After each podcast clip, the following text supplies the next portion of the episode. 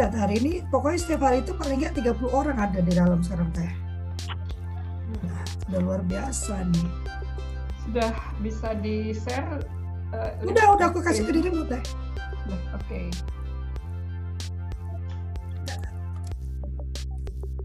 Kita mulai ya? Ya, aku buka okay. dulu ya. Ah. Uh, selamat pagi teman-teman. Wah, eh Kak Yuliana, apa kabar? Oh, kamu udah di ruang kelas? Iya, Kak Lovely. Dan teman-teman. Assalamualaikum. Waalaikumsalam. Hey, Kak Assalamualaikum. Waalaikumsalam cantik. Wah. Mau ikut belajar ya? Oke, saya buka dulu ya. Selamat pagi teman-teman. Selamat bertemu. Udah rame ya. Acara uh, kultur parenting pagi uh, acara yang kami selenggarakan setiap hari Senin, Kamis, eh hari Senin, Rabu dan Jumat. Salah. Senin, Rabu dan Karena Selasa Kamis juga ada kegiatan. ada. Kan? Jam hmm. 7 pagi ya sampai jam 8. Acara ini diperuntukkan untuk semua orang, tidak hanya yang sudah berkeluarga, tapi yang yang ingin berkeluarga, yang bahkan belum memutuskan untuk berkeluarga pun ini acara yang sangat perlu bagi kita semua, di mana kita akan mendengarkan para pembicara parenting. Jadi ini bukan perspektif Lovely saja, bukan perspektif Teh Yanti saja atau Cik Meli saja, tapi kami mengundang beragam uh, pembicara parenting. Uh, saya tidak menyaringnya sama sekali, tapi yang kita pahami semua bahwa kita melakukan ini untuk kepentingan terbaik anak ya, demi anak. Jadi ini yang kami lakukan ini semuanya demi anak. Dan pagi hari ini nah, cocok nih puji Tuhan Teh Yanti bisa bisa bergabung dengan kita karena ini jargon yang selalu dia sebutkan sebetulnya ya.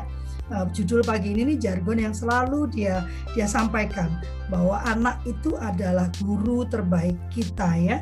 Dan topik pagi ini adalah anak adalah guru terbaik kita dalam sekolah orang tua. Pagi ini kita ditemani Kak Vera juga. Jadi Kak Vera nanti uh, diskusinya bersama Teh Yanti. Uh, kemudian teman-teman bisa bertanya. Uh, silakan Teh Yanti. Oke, selamat pagi, uh, semangat pagi ya.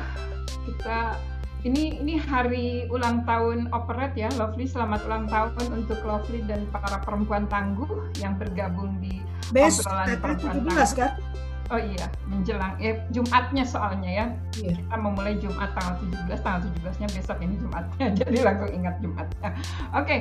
Uh, eh, Kak Vera, terima kasih ini dengan uh, memilih topik yang memang menjadi apa ya? Uh, sumber inspirasi bagi uh, kerlip terutama kami sekeluarga gitu ya. Anak-anak bagi kami adalah guru terbaik dan uh, saya pernah uh, diminta menulis khusus di Kompas tentang ini ketika uh, homeschooling baru saja marak ya padahal sebenarnya kan sudah lama sekolah rumah itu di dilaksanakan. Sayangnya, nah sayangnya sampai hari ini kita sering bicara bahwa sekolah orang tua itu nggak ada gitu ya. Sayangnya seperti itu. Tapi uh, kita berharap apa yang uh, kita inisiasi bertiga, saya, Lovely dan uh, Cimeli setiap pagi melalui kultur parenting pagi ini bisa menginspirasi tumbuh suburnya, menjamurnya, oh, kita pakai istilah menjamur ya, menjamurnya sekolah orang tua di mana pun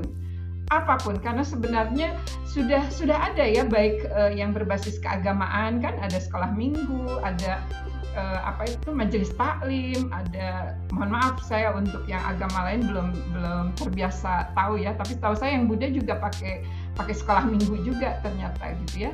Nah, uh, sekarang ini kita perlu lebih lebih ke tengah, lebih ke tengah. Bagaimana kita sebagai uh, apa warga negara Indonesia tercinta ini bisa menjadikan pendidikan sebagai taman persemaian benih-benih budaya inklusif melalui tadi itu siapa pun orangnya bahkan anak yang uh, dianggap memiliki relasi kuasa yang paling uh, rendah di dalam keluarga justru menjadi guru terbaik bagaimana kita belajar tentang ketulusan, berlatih kesabaran begitu ya, memunculkan atau menumbuhkan kembali kegembiraan kita untuk hal-hal yang uh, kelihatannya kecil. Padahal dari yang kecil-kecil itu kita bisa bersyukur dan dan uh, Allah yang Maha Kuasa akan menambah lagi nikmat rasa syukur itu gitu. Dan ini sangat penting di situasi pandemi ini. Kita nggak perlu mencari guru uh, batin di mana pun tapi yuk kita lekatkan hubungan kita dengan anak-anak kita sebagai guru terbaik kita dalam minimal dalam ketulusan dan eh, ketulusan, kesabaran dan kegembiraan. Tiga itu aja sudah sudah bisa menjadi modal kuat untuk kita menghadapi situasi yang uh, serba tidak jelas uh, ujungnya kapan begitu ya. Tapi kita harus benar-benar bersiap bersahabat dengan ancaman yang uh, kemarin saja sekitar eh, dua hari yang lalu adik kelas kami di teknik lingkungan ITB masih sangat muda wafat karena COVID-19. Jadi kita uh, ini ya, uh, kita tetap harus waspada karena negara-negara yang katanya sudah sudah baik setelah vaksin dan sebagainya ternyata uh, sekarang uh, kabarnya masuk gelombang ketiga pandemi ini. Jadi tetap ingat 5M sekarang ya. Apa itu 5M? Nanti kita uh, lihat lagi. Ah sayang Pak Irwannya nggak ada ya kepala sub uh, mitigasinya. Tapi saya saya juga punya tanggung jawab sih sebagai anggota tim pakar di edukasi perubahan perilaku Satgas COVID-19. Silakan Kak Vera langsung saja ya menyampaikan ini kita punya waktu uh, 27 eh 17 menit ya, tapi tambahin aja ya Via. 27 menit deh, 27 menit ya. Jadi kita diskusinya ngobrol-ngobrol aja nanti sampai jam 8 lewat 10 menit, boleh? Oke, silakan Kak Vera. Terima kasih Kak Lovely, Kak Yanti. Salam kenal. Ini baru pertama kali ya, ya apa live langsung ya, meskipun belum tatap muka. Iya. Ya, perkenalkan dulu mungkin saya uh, Vera Sintia Dewi. Saya ini kebetulan uh, background saya adalah psikologi pendidikan sebenarnya gitu. Jadi uh, tapi sebenarnya saya di sini uh, tidak mau dianggap sebagai pakar lah ya gitu ya. Kita ngobrol aja sebagai orang tua kayaknya lebih nyaman gitu. Oke uh, kenapa saya pilih topik ini ya? Sebenarnya uh, apalagi di masa saya harus bersyukur sih sebenarnya harus berterima kasih dengan uh, kondisi pandemi sebenarnya.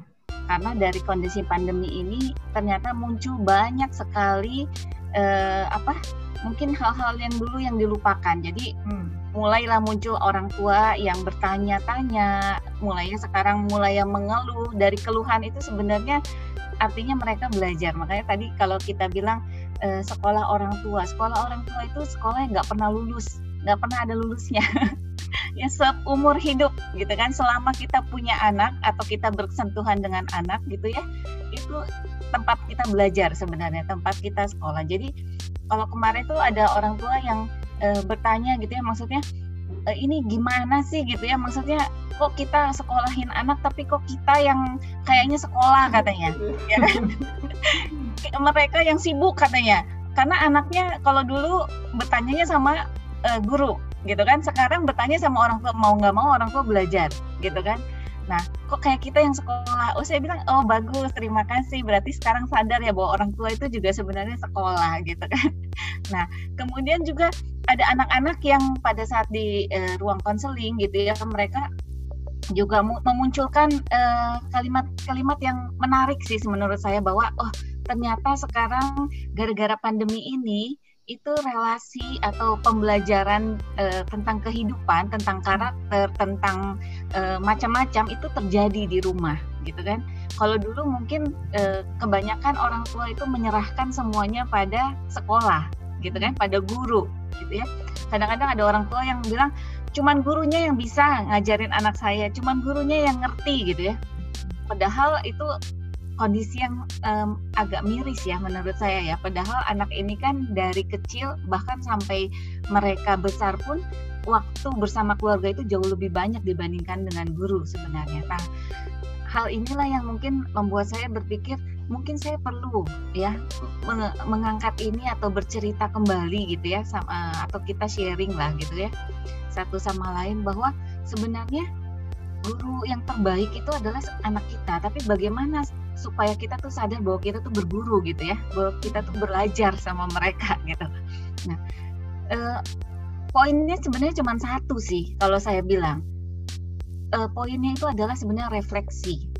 Jadi sebenarnya saya udah siapkan uh, ini sih apa uh, presentasi, tapi saya nggak mau lah nanti dianggap menjadi menggurui. Jadi kita cerita aja lah ya, gitu ya.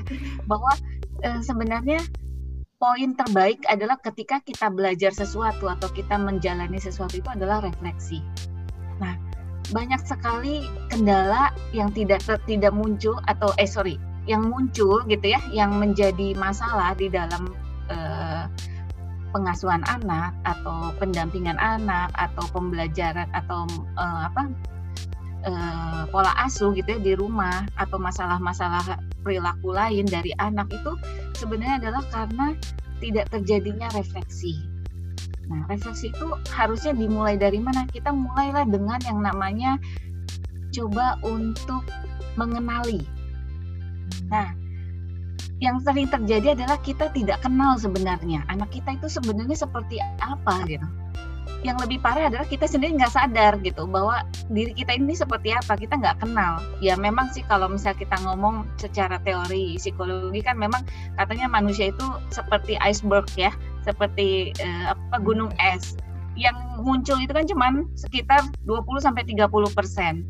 Sisanya tuh yang nggak kita kenali sebenarnya adanya di alam bawah sadar. Tapi sebenarnya dengan dengan kita merefleksikan setiap kegiatan tadi ya kalau Bu uh, Kak Yanti bilang kan hal-hal kecil aja itu kan ya. Nah, itu sebenarnya adalah hal yang sangat berharga ketika kita mau belajar untuk mengenali. Jadi kita kenal dulu nih sebenarnya anak kita tuh seperti apa gitu.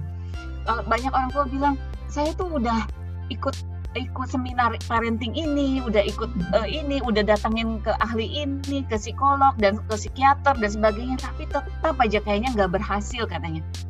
Sebenarnya saya bilang kalau saya secara pribadi ketika ada orang tua yang uh, mungkin berkonsultasi itu saya cuma uh, satu hal sih yang saya tanyakan. Sebenarnya seberapa jauh ibu atau bapak itu kenal dengan anaknya. Ya persis tahu nggak maksudnya? Anaknya itu seperti apa sih gitu? Apa sih yang mendorong dia melakukan ini? Apa sih yang membuat dia berpikir seperti itu misalnya? Kenapa ada anak yang terus-terusan memberontak gitu ya. Setiap orang tuanya ngomong dibantah gitu. Apalagi kalau anaknya udah remaja mendekati ini ya usia dewasa muda. Kayaknya apa yang orang tua omongin itu salah aja gitu kan di mata mereka gitu. Nah, ketika kita tidak kenal dengan mereka, yang ada adalah kita berusaha semakin keras, kan? gitu. Kita berusaha makin keras ke anak kita bahwa uh, nggak begitu harusnya begini harusnya begitu. Jadi uh, membuat mereka itu semakin menjauh sebenarnya. Nah ketika kita sudah mengenali bahwa anak kita ini tipikalnya mungkin misalnya adalah oh dia itu punya minatnya di sini gitu kan. Oh dia itu punya karakter uh, mungkin adalah bawaan genetik dari ayahnya. Ayahnya tuh punya pola pikir seperti ini misalnya kan. Oh mungkin dia terbawa dengan situasi bahwa dia itu anak yang sensitif misalnya ya. Yang e, mudah sekali terpicu e, perasaannya ketika menghadapi suatu e, permasalahan. Bahkan kata-kata sederhana pun bisa memicu hatinya atau emosinya gitu kan berubah. Ketika kita mengenali itu kita belajarlah memahami. Memahami bahwa apa sih sebenarnya yang dibutuhkan.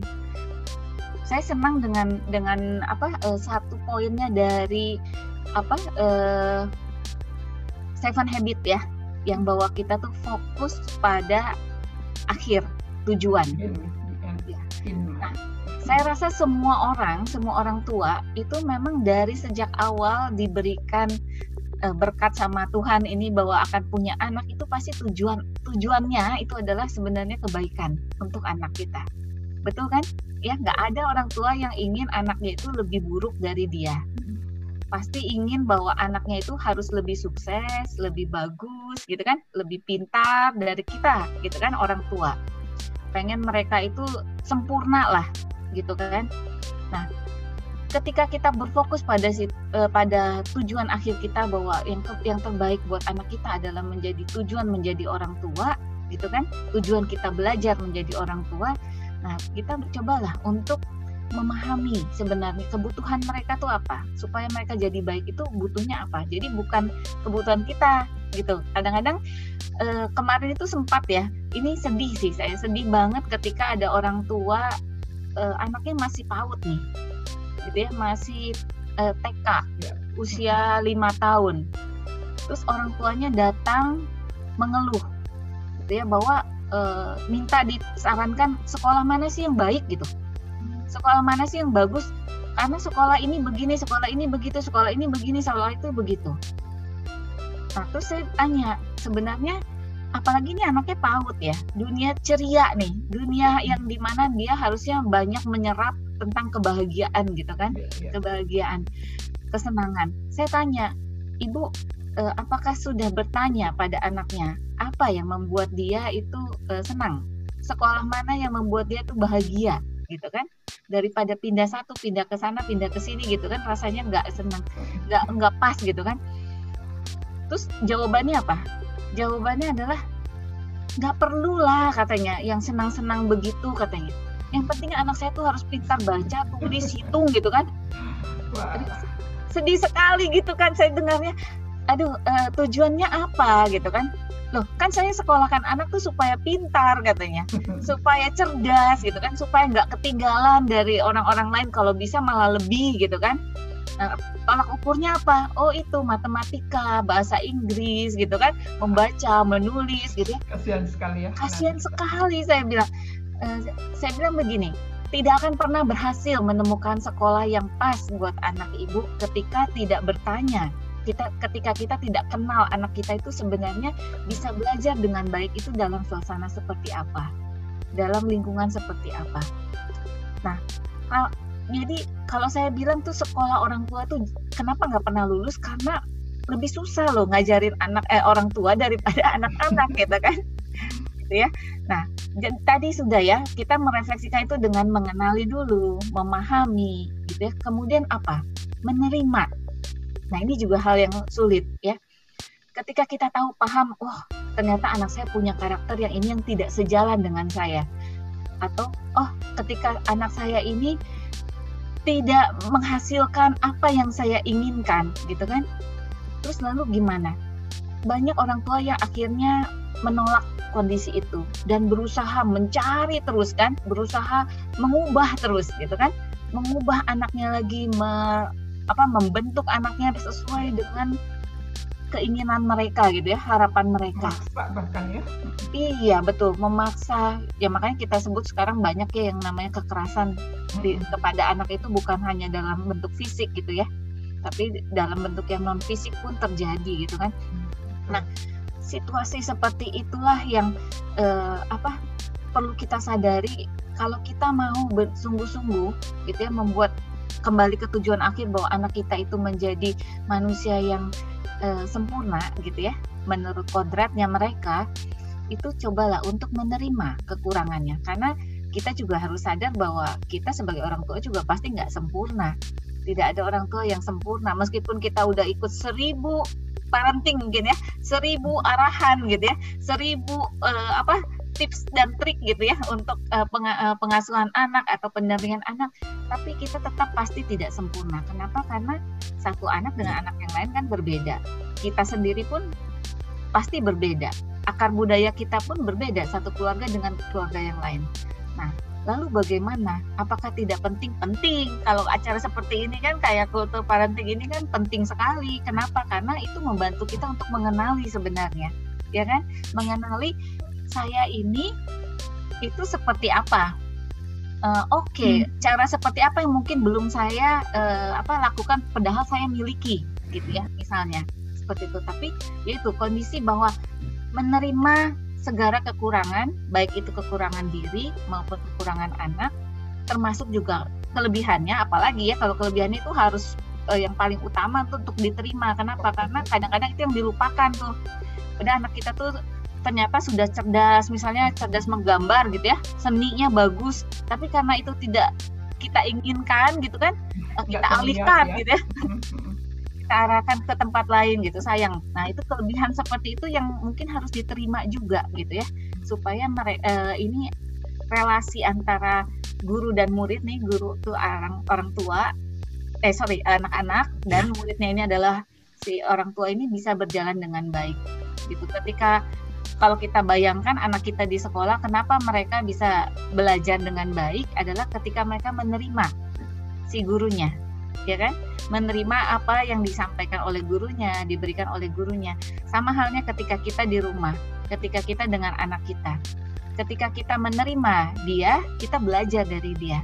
Ya, banyak hal yang sebenarnya luar biasa akan kita temukan ketika kita mulai membuka diri untuk menerima mereka. Mereka akan memunculkan banyak hal yang kadang kita juga eh, apa tertawa mungkin ya atau kita menjadi eh, terketuk gitu ya gitu ya kadang-kadang ya oh ternyata saya di, di, diajarkan hal lain contoh nih ketika eh, kondisi pandemi seperti ini ada orang tua yang yang bercanda sih. Kita ngobrol bercanda adalah mereka uh, ber, ngobrol gitu ya bertanya begini uh, Miss pernah dengar nggak bahwa anak saya bertanya tentang uh, kondisi virus di sekolah katanya.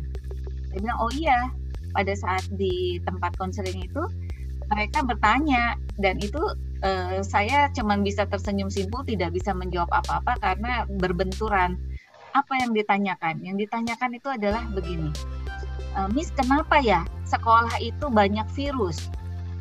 Tapi kalau ke mall nggak ada virus, di restoran nggak ada virus kata. Saya bilang, kenapa kamu bilang begitu? Karena mama aku bilang nggak boleh ke sekolah. Tapi mama aku ajak aku ke mall, katanya di mall udah di steril, katanya nggak ada virus, katanya saya saya cuma bilang oh, kalau gitu nanti ajak mamanya ke sekolah biar lihat. Sekolahnya juga udah di steril gitu kan. Ya. tapi itu pertanyaan yang menggelitik tapi sebenarnya e, mengetuk ya sebenarnya ya. Mengetuk kita semua bahwa e, apa sih sebenarnya yang kita lakukan gitu sama anak kita ini.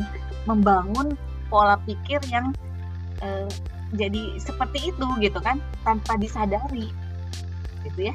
Nah itu sebenarnya kita oh ya berarti uh, saya nih belajar untuk apa uh, lebih fair gitu ya istilahnya atau lebih lebih jujur. Kan kalau saya bilang kenapa tidak jujur? Karena gini kalau ke sekolah itu seperti ada tuntutan waktu disiplin gitu kan.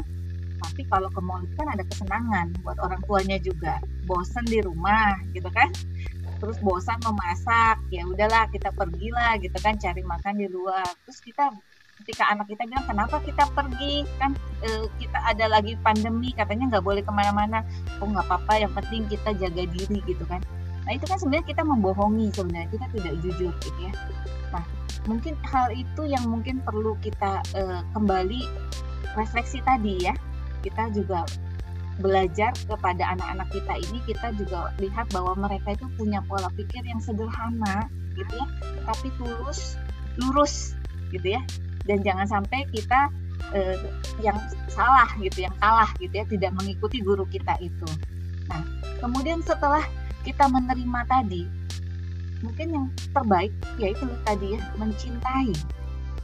Nah, mencintai ini hal yang eh, kelihatannya gampang karena kita dengan mudah kita ucapkan pada anak kita saya sayang kamu I love you gitu kan gitu kamu aku sayang banget sama kamu. Tapi apakah kita tahu bahasa cinta mereka itu seperti apa? Nah bahasa cinta setiap orang itu berbeda-beda. Ada orang yang dengan dikatakan I love you itu udah merasa dicintai. Tapi ada orang atau anak yang cuma dikatakan I love you tuh kayaknya lewat hmm hmm gitu ya. Lewat gitu kan. Karena bukan itu bahasa cinta. Ada mungkin yang bahasa cintanya mereka adalah dipeluk disentuh ada anak yang memang tidak terlalu suka disentuh sebagai ungkapan bahasa cinta. Jadi macam-macam bahasa cinta yang perlu kita uh, juga perhatikan ya mana yang paling efektif. Karena dengan merasa dicintai, termasuk anak itu akan berbalik ke kita kan kalau saya bilang itu seperti bandul pendulum ya. Ketika kita melakukan sesuatu yang baik itu akan kembali ke kita. Termasuk kita melakukan yang buruk itu juga akan kembali ke kita. Nah, seperti itulah eh, yang mungkin perlu kita pelajari setelah semua tadi mem mengenali, memahami, ya kemudian menerima, kemudian juga uh, apa mencintai. Nah, selanjutnya apa? Nah, ini yang tugas yang akan mencapai ke tujuan akhir kita yaitu mendukung dan mendampingi. Tentunya dengan porsi yang pas ya.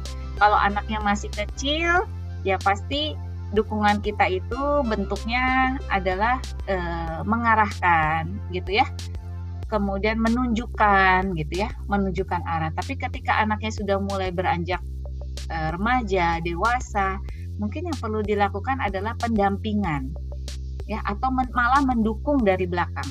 Bukan lagi menarik mereka atau mengarahkan atau memaksa apalagi gitu ya.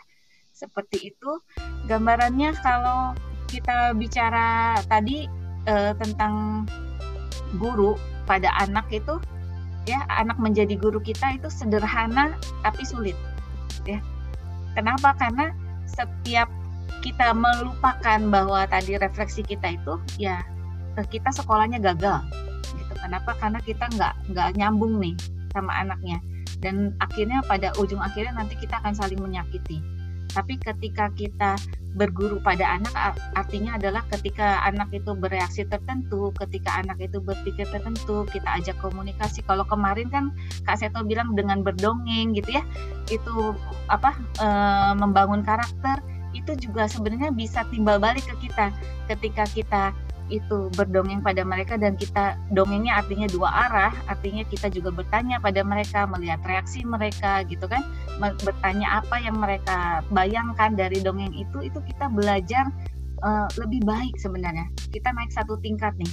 Oh ternyata kita tuh sudah uh, tahu nih bahwa anak kita itu seperti ini loh gambarannya. Itu dari dongeng pun bisa seperti itu ya dari kemarin tuh saya senang sekali tuh dengar yang kaseto tuh Kak Lovely memang tidak bisa ikut zoomnya tapi lewat di ini ya lewat di YouTube.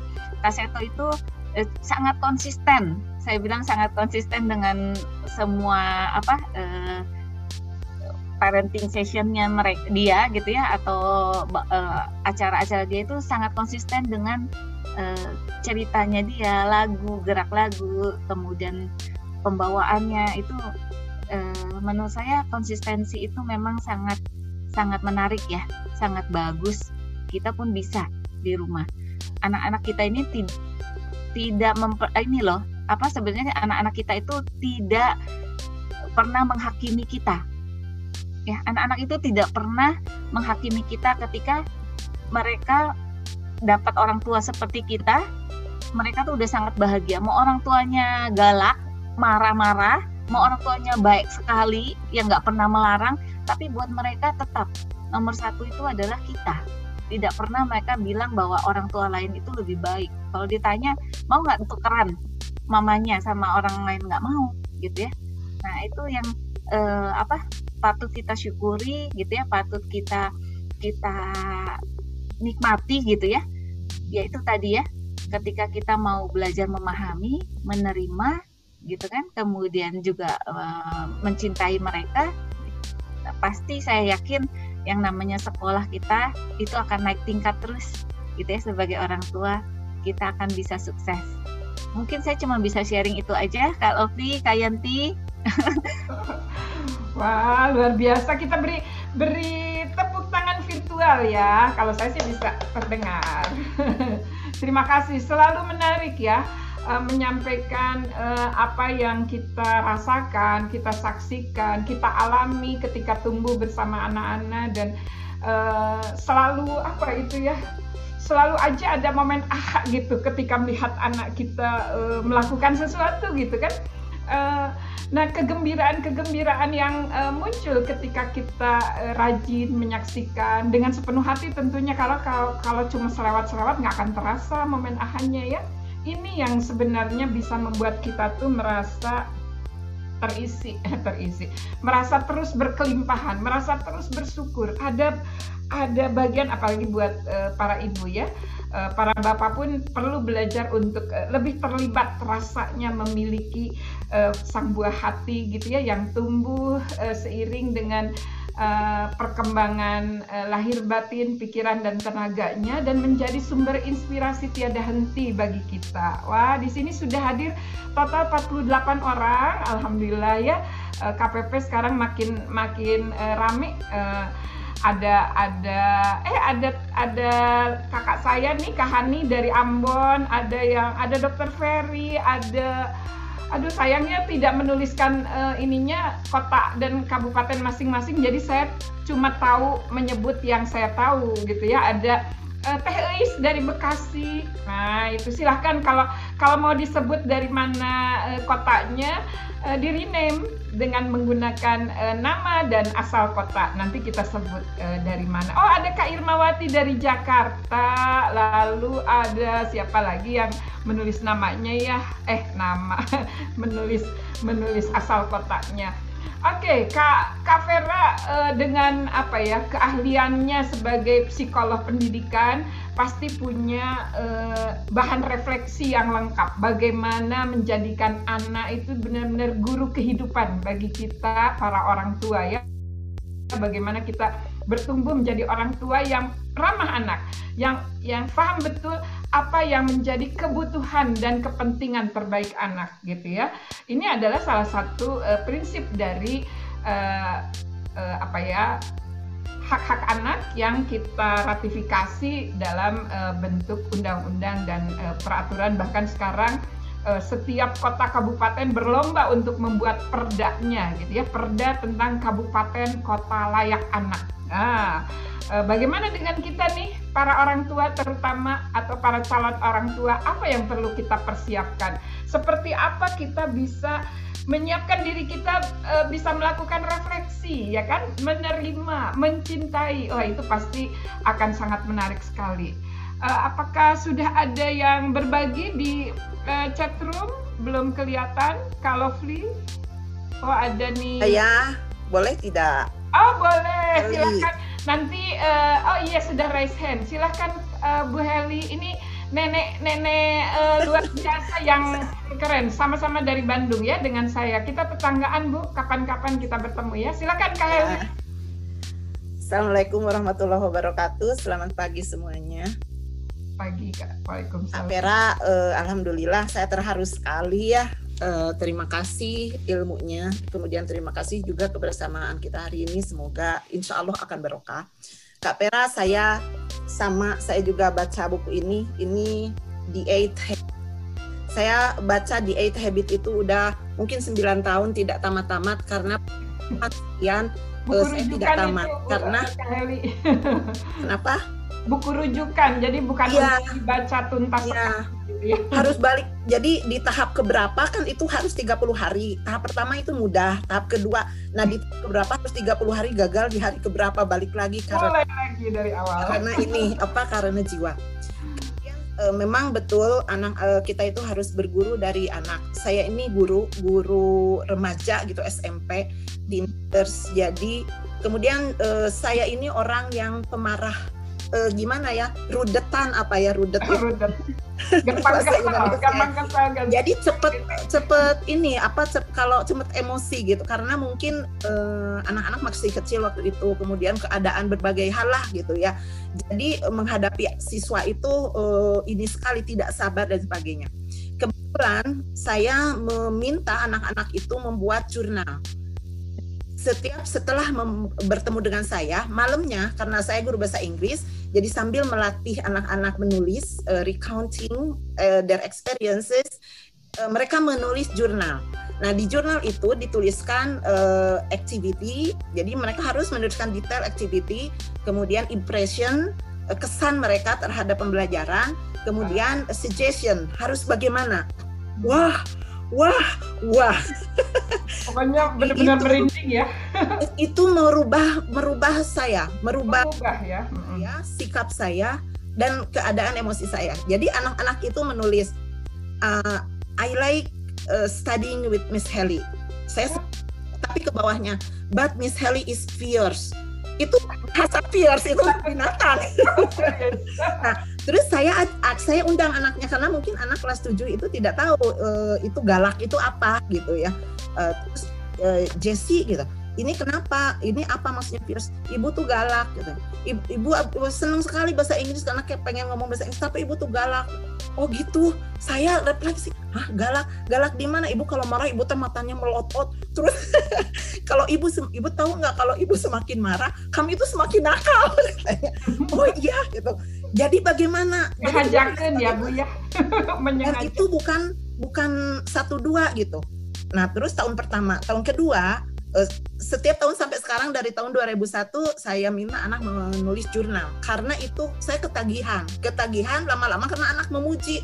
Ternyata saya senang dipuji. Siapa pun senang ya. Iya. Nah itu bahasa cintanya oh, Bu Heli itu. Nah terus uh, ternyata saya saya jadi uh, merubah rencana pembelajaran saya. Hmm. cara mengajar saya jadi berubah. Sikap saya ke anak berubah. Di kelas saya uh, berubah. Uh, ternyata anak-anak itu memang mereka sangat bijaksana. Mereka tidak benci saya meskipun saya seperti galak seperti itu. Di rumah ternyata sikap saya ke anak-anak jadi berubah. Kan asalnya uh, saya juga ke anak galak. Cerewet cucu cucu cucu cucu cucu seperti merecon tapi di rumah uh, anak saya waktu itu SMP kelas 2 saya sampai bisa ngobrol tentang pacar. Padahal dia dikejar-kejar oleh temennya yang non muslim, kemudian udah tua. Tapi uh, saya tidak marah tidak boleh. Tapi saya bahkan uh, mengajarkan gimana gitu. Terus dengan lakinya gitu. Nah, jadi sikap uh, saya belajar dari murid-murid saya yang ternyata feedbacknya bagi saya uh, itu melalui jurnal tersebut itu sangat berpengaruh besar bukan hanya saya sebagai guru dan saya sebagai uh, orang tua. Nah, jadi saya dengan anak itu sangat komunikatif sekali. Jadi kalau misalnya dia pulang, eh, saya tidak langsung marah, tapi eh, dia biarkan dulu makan atau apa baru saya tanya dari mana bro, gitu, dari mana Cin, gitu ya, dari mana. Nah, dan alhamdulillah ternyata sekarang setelah besar anak saya yang laki-laki misalnya, kalau saya ya minta transferan dong, ya ya mama ya gelis, ya kalau gelis mau dilamikan untuk saat ini tidak akan dilamakan. Nah ternyata ada pengaruhnya. Nah terus eh, yang yang tadi Pak Bu Pera bilang bukan hanya omongan. Nah sekarang sekarang saya heran dengan anak saya. Saya itu kan membentak-bentak ke anak saya yang perempuan waktu kecil, gitu. Tapi sekarang anak saya sudah jadi ibu. Itu dia melatih anaknya itu saya jadi nenek sekarang komunikatif sekali nice mungkin bagi cucu saya. Karena justru belajar jadi anak saya yang sekarang udah jadi ibu. Dia itu sangat perhatian ke saya. Dan saya jadi perhatian ke ibu saya. Hah? Itu anak-anak saya uh, dulu diperlakukannya kan dengan keras sama saya tapi sekarang dia lembut sekali ke saya terus segala segala terus ke anaknya ke anaknya itu kayak kalau ketemu hug katanya. Terus hug. Jadi anaknya itu kalau ketemu saya tuh hug. Terus kalau kita lagi ngobrol dia lari-lari ke, ke satu orang hug. Misalnya hug. Terus kalau e, menggambar dia tulis ada lap-lap gitu. Ninin ini Ninin sama Naomi. Terus ini ada lapnya. Uh, oh what's this? Gitu. Terus dia bilang because I love you Ninin. Oh gitu. Ya saya senang sekali ini ini uh, ini curhat ya jadi saya tidak tidak akan ada jerawatan karena ini kan nggak mungkin uh, bercerita asal tetapi ini kan tempatnya. Jadi uh, betul betul sekali memang guru terbaik anak-anak karena memang guru. Tapi satu hal ya itu uh, apa burning questions come in my mind. Di Australia itu ada yang dinamakan well-being. Nah well-being itu lima unsurnya. Satu itu intelijen eh, satu itu spiritual. Spiritual ada. Kemudian personal. Kemudian sosial intelijen nah yang jadi si pemerintah itu mengajar mengajari ibu-ibu yang bahkan sedang hamil gimana jadi ibu? Ada di kita melalui kalau petani itu kelompok pencapir kalau di apa ya di posyandu nah sekarang itu nggak ada. Jadi mungkin eh, ke apa ya putus putus rantai. Putus rantai itu itu entahlah kalau DPR itu bagian mana gitu. Eh, selalu ngomong ke Disdi kalau ada apa-apa itu selalu saya menginikan meng, kenapa tidak uh, ke RT mengumpulkan ibu-ibu mengumpulkan. Nah jadi pendidikan itu orang tua itu uh, tidak hanya tidak harus menyerahkan kepada guru. Jadi saya sekarang eh guru teh nggak siapa bilang nggak ada kerjaan?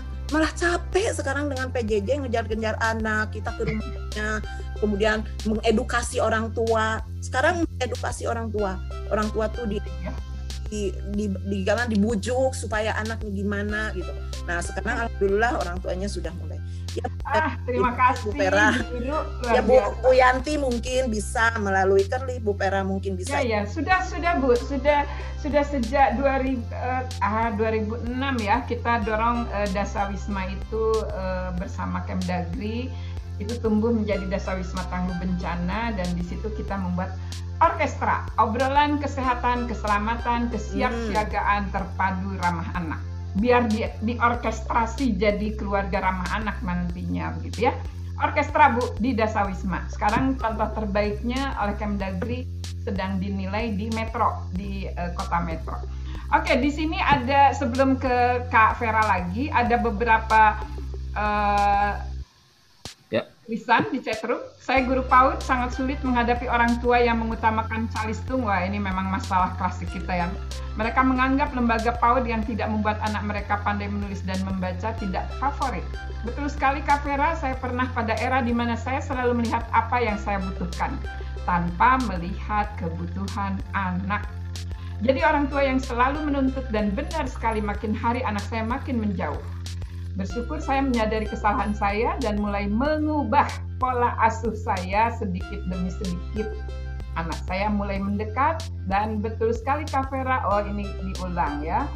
Uh, dan kemampuan-kemampuan yang dulu saya harapkan begitu susah, dia capai justru sekarang bisa dia capai. Nah, ada pertanyaan nih dari Kak Naimah dari Dewi Serdang ini, Ibu bagaimana caranya menghadapi anak yang suka menunda-nunda pekerjaan? Wah ini eh, masalah saya juga ini. Apa yang disuruh selalu jawabnya entar. Habis ini yang kadang sampai oh kalau saya tidak pernah menyuruh ya. Uh, saya setuju orang tua berguru kepada anak mampu menangkap keinginan anak. Weh, ditangkap ya keinginan anak. Itulah tipe orang tua demokratis. Tetapi saat memilihkan anak untuk sekolah, tetap dominasi orang tua. Aduh, kata dominasinya ini nih yang perlu disingkirkan. Karena berbagai pertimbangan, baik dari kualitas lembaga atau masa depan anak. Mohon respon dari narasumber, digabung. Silahkan Kak Vera dari komentar Kak Heli, terus Kawulan, kakak-kakak Kak Wahyu, dan satu lagi siapa Kak Naimah. Silakan Kak.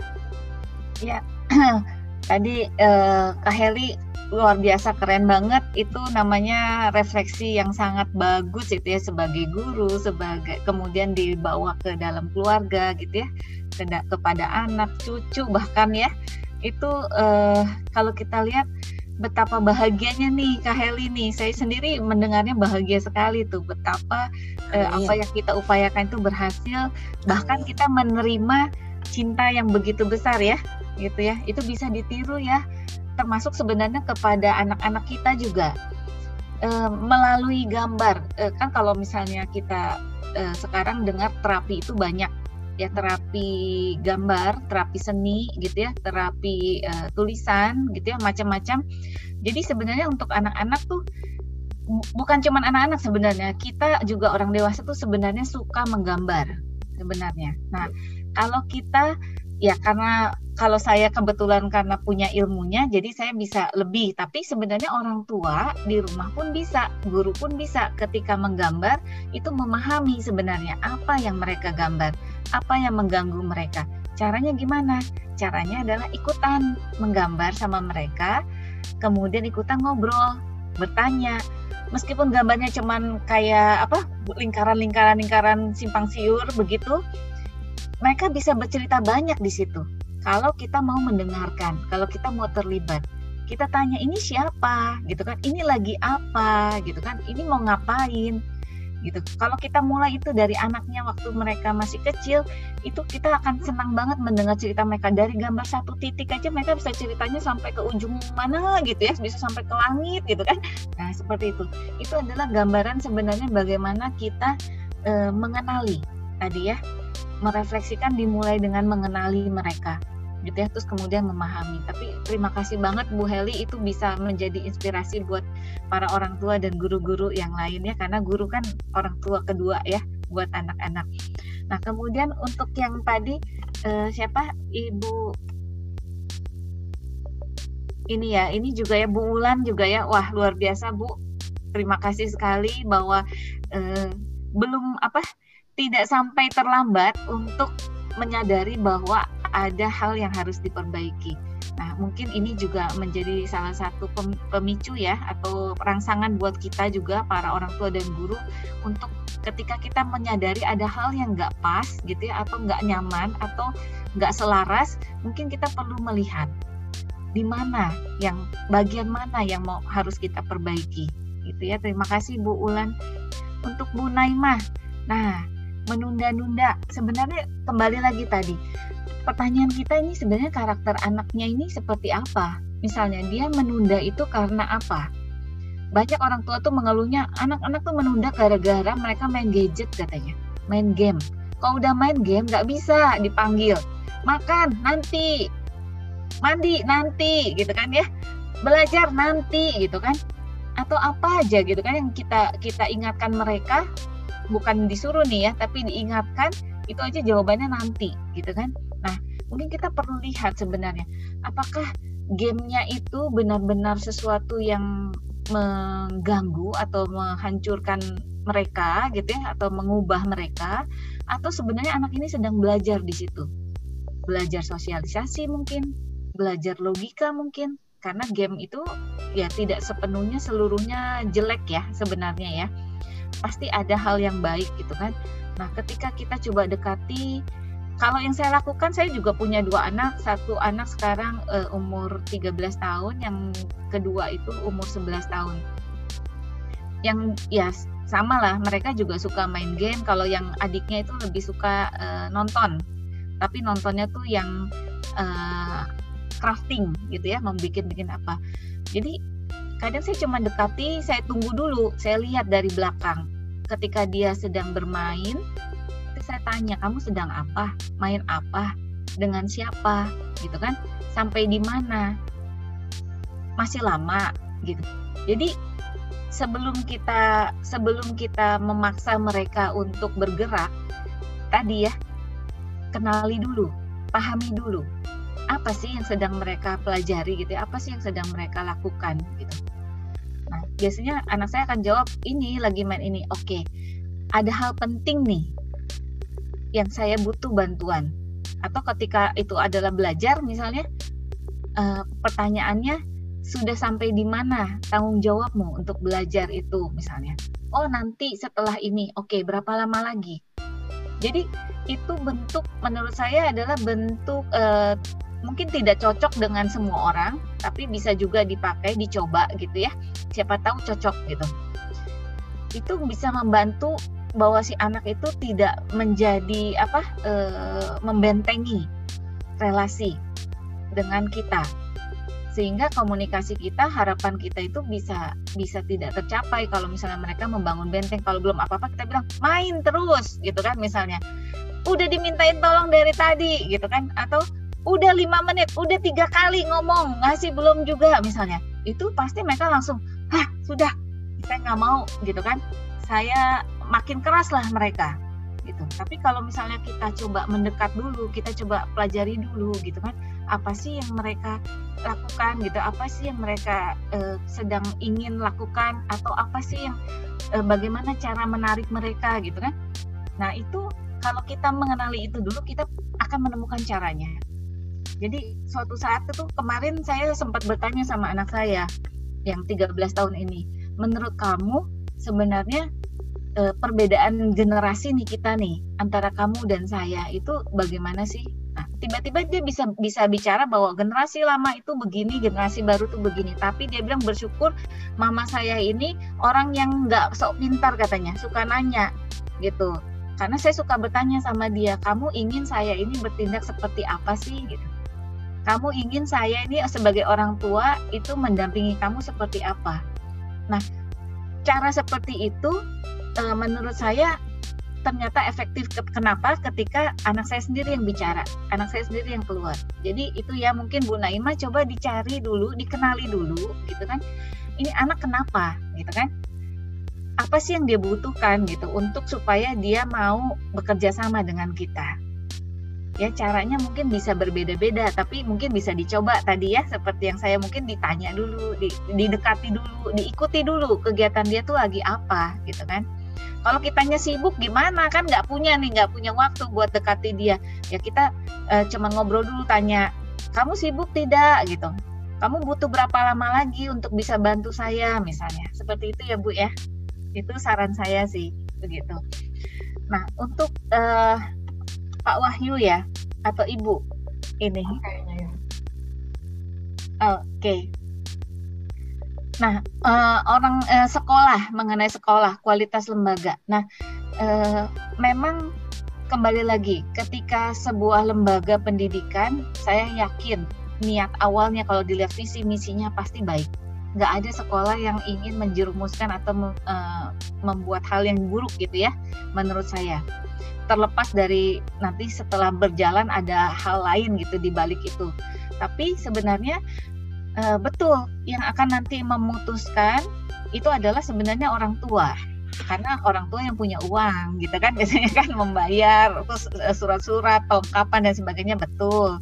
Tapi ada unsur di mana yang akan menjalani itu adalah anak.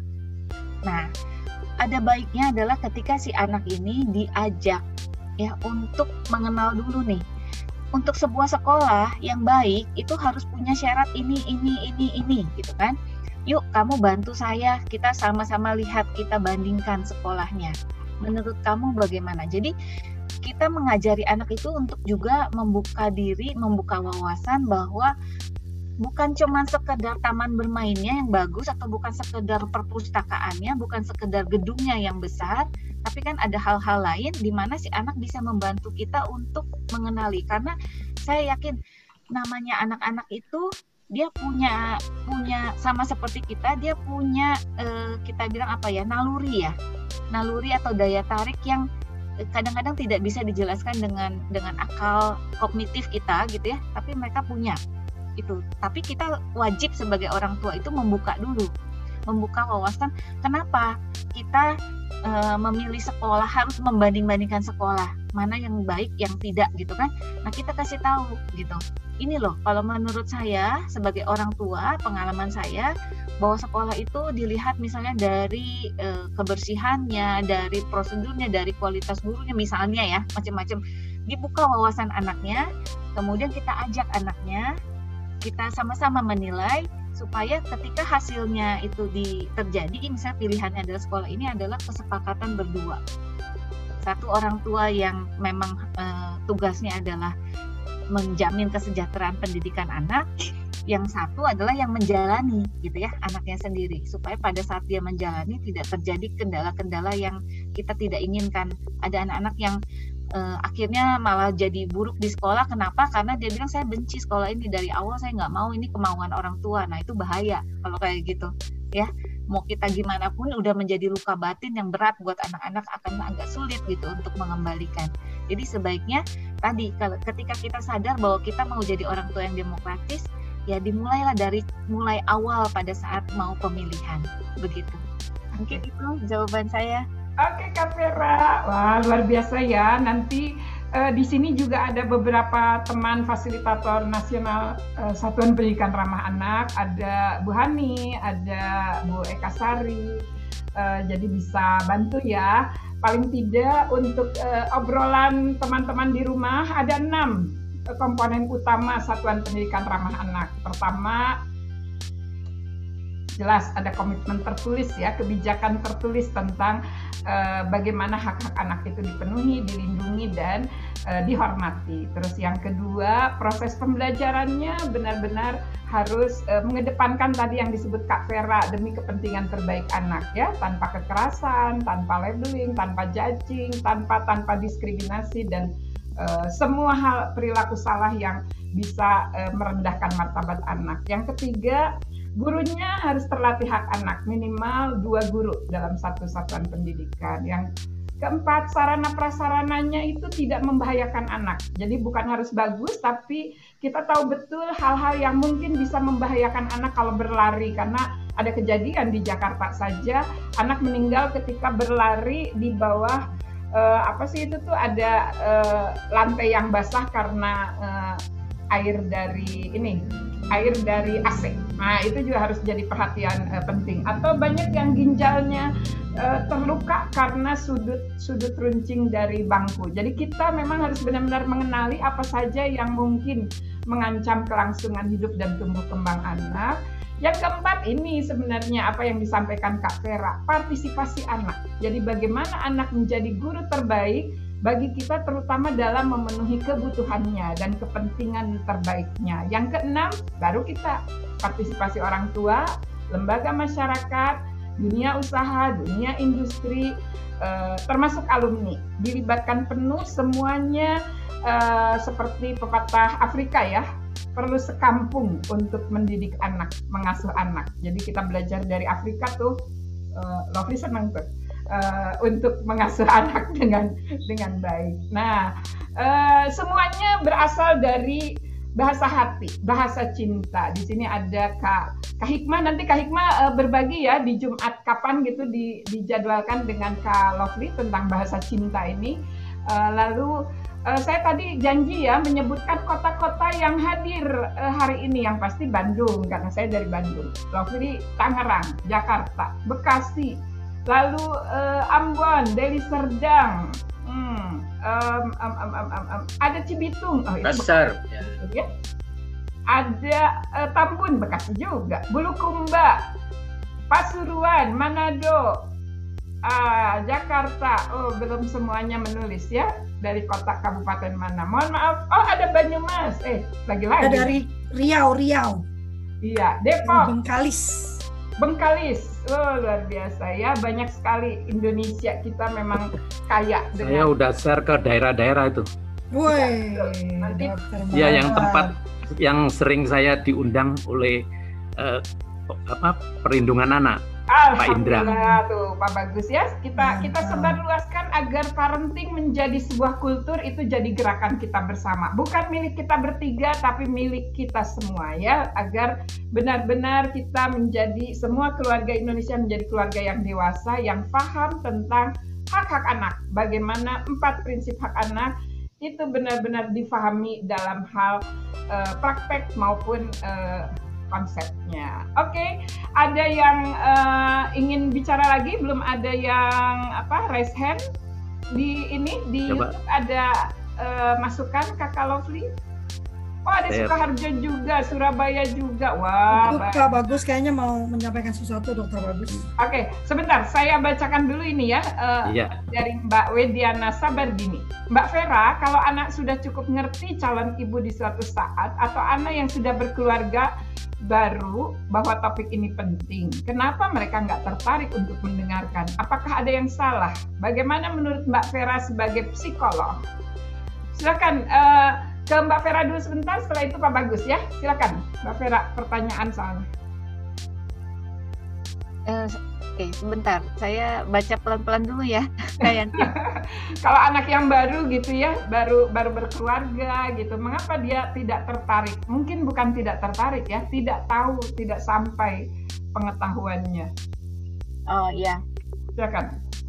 Ini sebenarnya uh, ini tadinya semalam tuh saya sudah sudah terpikir ini bahwa kelihatannya memang uh, termasuk di beberapa sekolah saya lihat juga ketika sekolah mengundang untuk parenting session itu itu terutama sekolah yang uh, PAUD ya kan artinya ibu-ibu muda nih itu memang uh, apa antusiasnya tidak setinggi dari uh, parenting session di sekolah-sekolah yang seperti SMP hmm. ya SMA gitu kan nah kelihatannya kalau yang saya baca adalah mereka ini kan generasi generasi yang uh, muda gitu ya. Di mana era sekarang tuh era internet itu sangat terbuka luas. Ya informasi itu mereka begitu cepat mendapatkannya dibandingkan kita dulu gitu kan. Nah jadi mereka itu banyak yang saya dapatkan adalah mereka banyak membaca, banyak melihat, banyak mendengar, termasuk gosip gitu ya, termasuk hoax gitu kan. itu membuat mereka merasa sudah penuh gitu. Hmm. Ya, mereka merasa yang agak kurang apa maksudnya? Uh, kurang praktis justru ya. Banyak. Ya, kurang praktis gitu kan. Mereka cuma bikinnya jalani aja.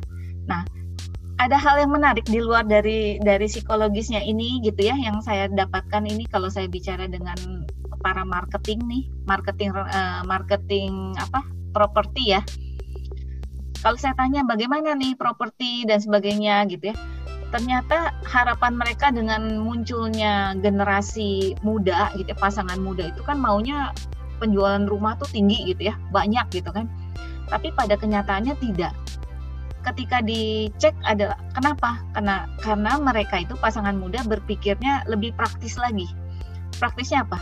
Saya kalau punya keluarga, punya anak, sekalianlah ngurusin orang tua katanya. Mengurusi orang tua. Dalam arti eh, termasuk menitipkan cucunya gitu ya, menitipkan anak kan saya uh, bisa saling saling membantu. Artinya apa? Saya tidak perlu beli rumah. Lebih baik uangnya saya simpan untuk nanti pergi jalan-jalan. Menikmati uh, bisa bawa orang tua saya juga nanti untuk berjalan-jalan dan sebagainya. Jadi ada ada kecenderungan dari memang pasangan muda itu mereka uh, apa ya? melihat bahwa itu bukan sesuatu hal yang urgent gitu ya untuk tahu bagaimana mengasuh anak dengan baik atau belajar tadi ya ber, e, menjadi sekolah orang tua itu itu tidak tidak tidak urgent buat mereka gitu. Karena mereka bilang ah nanti tinggal tanya gitu ya. Ah nanti tinggal e, minta bantuan gitu. Ada ada kecenderungan seperti itu gitu jadi kalau misalnya kita bilang e, kenapa uh, mereka tuh tidak terlalu tertarik untuk mendengarkan? Karena ya itu menurut mereka itu bukan sesuatu yang uh, paling utama saat ini gitu ya. Makanya kenapa saya ketika tadi yang saya cerita ya saya ketemu dengan orang tua yang anak PAUD aja sampai berpikir begitu karena buat mereka kelihatannya bukan kayak misalnya menurut mereka anak saya udah bahagia kok dengan tidak pergi ke sekolah masa pandemi misalnya jadi nggak perlu lah gitu di di rumah di tugas sekolahnya dikasih aktivitas-aktivitas bermain aktivitas mendongeng dari orang tua gitu kan aktivitas ini nggak usah lah. Mereka dengan tidak sekolah itu udah libur tuh udah happy. Itu karena gambarkan mereka sendiri dulu. Waktu mereka sekolah mungkin ya waktu SMA gitu ya aduh tugas atau ujian gitu atau waktu kuliah gitu. Begitu dapat libur tuh rasanya bahagia. Nah mereka membayangkan itu ke anaknya yang kecil gitu ya bahwa mereka akan bahagia ketika mereka bisa bebas di rumah melakukan apa pun yang mereka mau, tidak perlu sekolah, tidak perlu bangun pagi, tidak perlu bersiap-siap gitu kan, e, tidak perlu mengerjakan tugas misalnya. Buat mereka bayangannya seperti itu. Jadi mereka membayangkan bahwa pokoknya yang penting sekarang anak-anak yang hebat itu adalah anak-anak yang matematikanya luar biasa, cepat membaca gitu dan sebagainya. Kenapa bisa begitu juga karena mungkin salah satunya kita pun um, cukup andil di situ ya. Ketika kita uh, sebagai entah itu pendidik entah itu orang tua dari anak yang menang lomba itu mengumbar itu gitu ya. Mengumbar betapa hebatnya uh, anak yang bisa menang olimpiade, anak yang bisa ini. Tapi tidak ada nih lomba karakter gitu ya. Oh, ini menang lomba karakter ini gitu ya. Lomba karakter kejujuran, lomba karakter apa peduli pada uh, atau lomba karakter toleransi itu nggak ada. Jadi itu membangun juga sebenarnya. Kenapa? Karena orang tua muda ini tuh sebenarnya orang tua yang belum dewasa tadi masih sekolahnya tuh masih di level yang agak di bawah. Tapi kalau misalnya orang tua yang kayak tadi nih yang sudah sudah melakukan banyak refleksi dan sebagainya itu udah naik tingkat kan. Jadi mereka makin haus nih. Oh saya makin butuh bagaimana saya bisa eh, termasuk juga bagaimana bisa menularkan gitu kan. Tapi untuk yang muda belum. Yang muda ini masih eh, punya banyak impian yang menurut mereka ketika anak itu belum menjadi eh, pengasuhan atau karakter atau bagaimana menjadi orang tua yang sempurna buat anak itu belum menjadi suatu prioritas. Maaf Kak Vera, sudah ya. 8 lewat 10 menit. Ya, Pas ya. Uh, sebenarnya sih banyak uh, komentar, pertanyaan dan sebagainya, tapi uh, biar penasaran kita lanjutkan di uh, WhatsApp grup ya. Nanti uh, Kak Vera juga sudah masuk kan di uh, grupnya? Nanti pertanyaan-pertanyaan itu kita kita postingkan di grup uh, belajar parenting dan Kak Vera bisa menjawabnya di sana. Saya sudah janji memberikan kesempatan kepada Pak Bagus untuk bicara. Terus ada adakah hikmah yang yang raise hand tadi ya tapi sudah uh, lower lower sudah di, diturunkan lagi. Nanti Kak Hikmah ada ada sesi sendiri. Silahkan uh, Pak Bagus dua iya. menit ya. Ya. Izin ya, uh, pertama, ya pertama saya apresiasi sama Kak Vera ini ya. Udah memberikan pencerahan di dalam kultur parenting. Sampai hari ini kultur parenting sudah mulai ada bentuk yang apa mengkristal.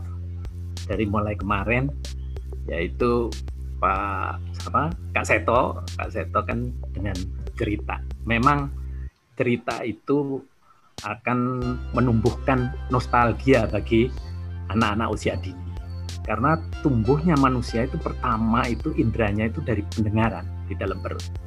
Nah, jadi ini sudah on track nih ya. Nanti kita susun ini secara on track.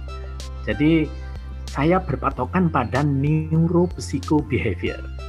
Jadi neuro itu organnya, psiko itu fungsinya, attitude dan behavior itu adalah wujudnya. Dan tiap tahapan ini ada bahaya dan positifnya. Dan itu harus disajikan oleh kultur parenting ini. Sehingga orang tua itu setiap baca ini yang singkat-singkat saja, dia akan tahu, kasih aja datanya, nasional, internasional, bahaya-bahayanya. Nah, dengan demikian supaya orang tua itu tidak menggampangkan sesuatu ya terus berpikiran matematik yang paling hebat tidak yang jadi juragan-juragan sekarang itu bukan ahli matematik semua. Ya kan? Tapi orang yang wise yang jujur.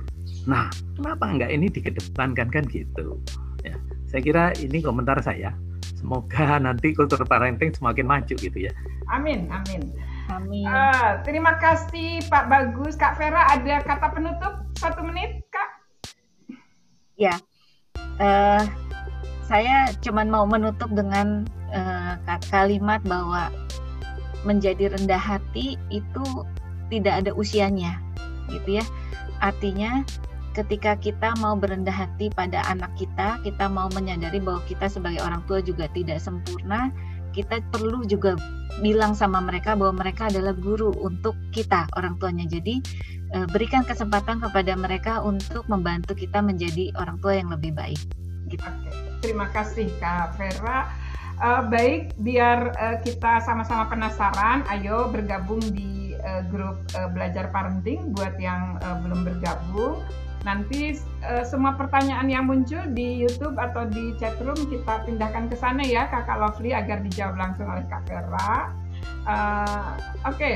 Uh, kultur parenting pagi ini memang uh, hal yang sangat menarik bagi saya karena itu seperti yang Kakak Lovely katakan ya uh, apa yang menjadi concern saya sejak lama. Bagaimana anak menjadi guru terbaik bagi kita dan uh, bukan sekedar jargon, tapi sesuatu yang terus kita gali, kita temukan, kita kenali bersama-sama. Bukan hanya di dalam rumah, di keluarga, atau juga di satuan-satuan pendidikan lainnya. Saya serahkan kembali kepada Kakak Lovely. Silakan Kak Lovely untuk ditutup. Ya, wah menarik sekali ya. Bagian ada 59 uh, keluarga oh, orang tua dan calon orang tua 60 tadi Kak Eba baru masuk ya ini uh, satu satu perkembangan yang menyenangkan buat saya setelah seri ke-39 ya jadi setelah 39 kali kami tayang tanpa henti dan uh, perhatian mulai dapat dan ini bukan bicara tentang kami mulai terkenal ya kami mah sudah terkenal ya kami sudah terkenal sedia terkenal untuk anak-anak kami sendiri lah ya, ya. ya. Tapi ini buktikan bahwa uh, mulai diperhatikan uh, ada kebutuhan tentang ilmu parenting. Saya selalu mengatakan parenting itu bukan bicara uh, naluri. Parenting itu sebuah ilmu yang harus kita pelajari ya. Memang uh, dari dulu saya bermimpi membuat sekolah parenting tapi sudah banyak judulnya cuman menurut saya belum belum not not yet hit the core gitu ya. Uh, intinya itu belum ter, terketusuk gitu ya. Yang dibicarakan selalu how to how to how to how to how to gitu. Sementara how to itu kalau tidak dilandasi dengan konsep yang kuat how to-nya melenceng ya. Maka saya senang sekali lewat belajar parenting kultur parenting itu tadi Pak Dokter Bagus menyarankan buku. Ayo dok. Saya saya saya tangkap itu uh, apa uh, apa tantangan tadi ya. Saya sendiri dari dulu memang bersepakat. Sewaktu saya masih jadi orang tua anak kecil, sekarang jadi orang tua orang dewasa ya.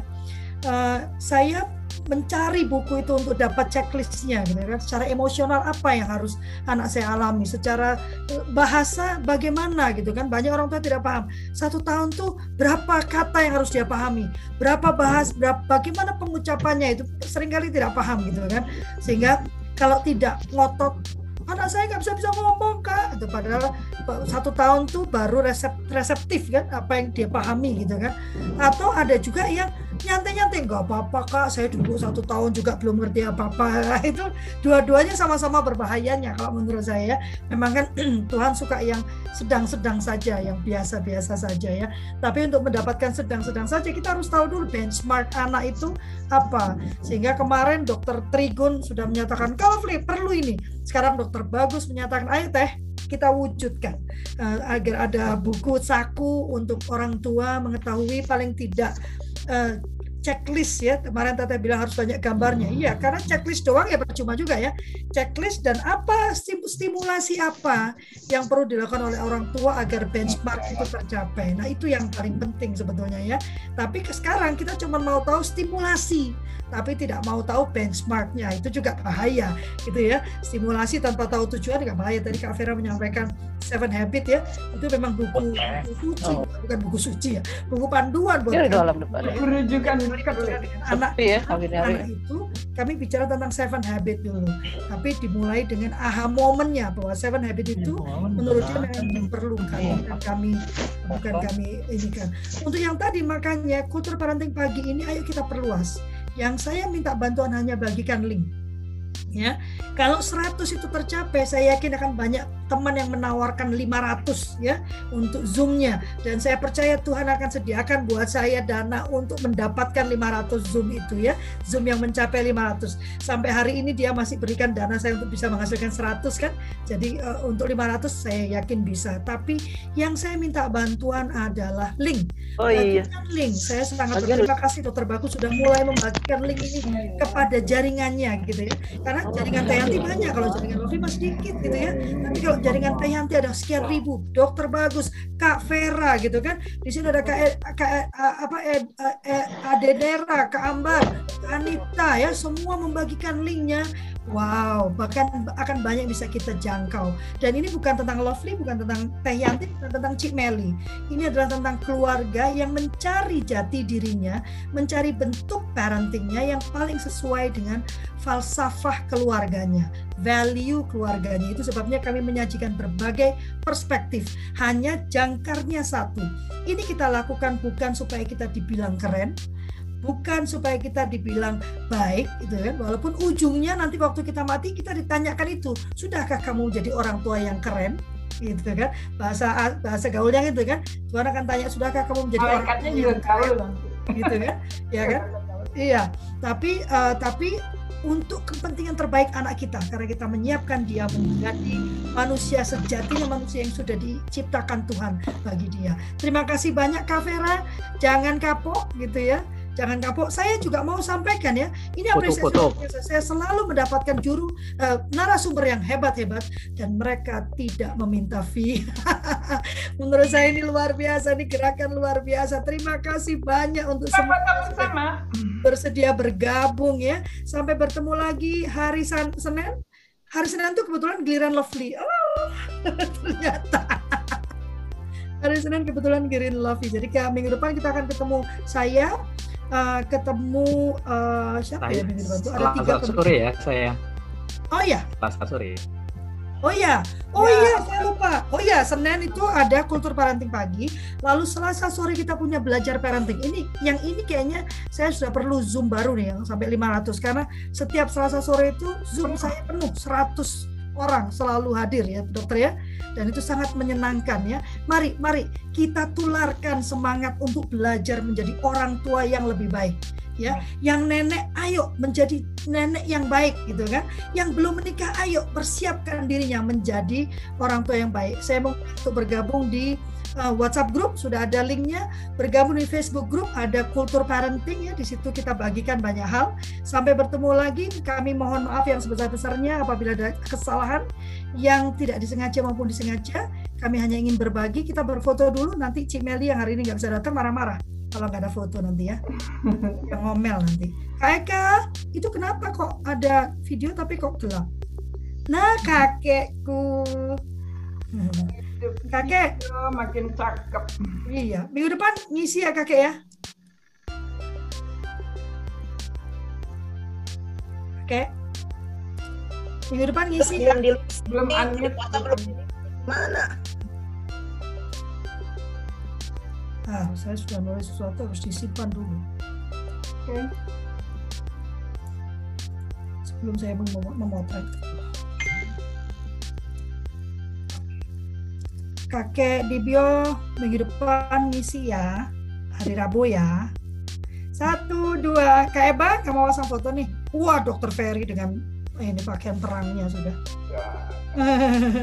Dokter Ferry saya tunggu kapan ya? Oke-nya ya. Sudah dibujuk-bujuk tapi belum mau. Satu, dua, tiga. Ya. Ini kayak habis nyumus lebar sekali. Ya. Pagi kan tuh hari ini. Sekali mau ya. iya. Di mata keran dia. Itu aja. Ya. Jangan khawatir kalau kehabisan room di grup itu, saya tambahkan uh, bel- uh, grup belajar parenting yang kedua ya. Pak, Al, Pak Albert, ini daripada Pak Albert uh, WhatsApp saya melulu, nanti berikutnya Pak Albert masuk dalam tim ya. Karena Pak Albert canggih kalau urusan yang kayak gini-gini. Biasa. Oh, langsung ber- apa, bersembunyi di balik mak-mak. Kak Albert, ayo bergabung bantu saya. Wah, ini bagus. Oh, iya. Oke, terima kasih banyak. Sampai bertemu lagi hari Kamis. Oh iya, untuk yang perempuan, mohon maaf, untuk yang perempuan, saya punya operet memeluk hari Sabtu, tapi lebih malam. Teh operet memeluk lebih malam ya, jam setengah sembilan malam ya. Jadi kalau Turunin. perempuan perlu silakan kontak saya. Itu ruang aman buat kita berkisah, menceritakan. Besok saya dan Teh Yanti akan meluncurkan sekolah baru kami. Nah, teman-teman Itu untuk hadir ke Didi, hayang sekolah baru Di, kami. ini hayang difoto cenah pang foto.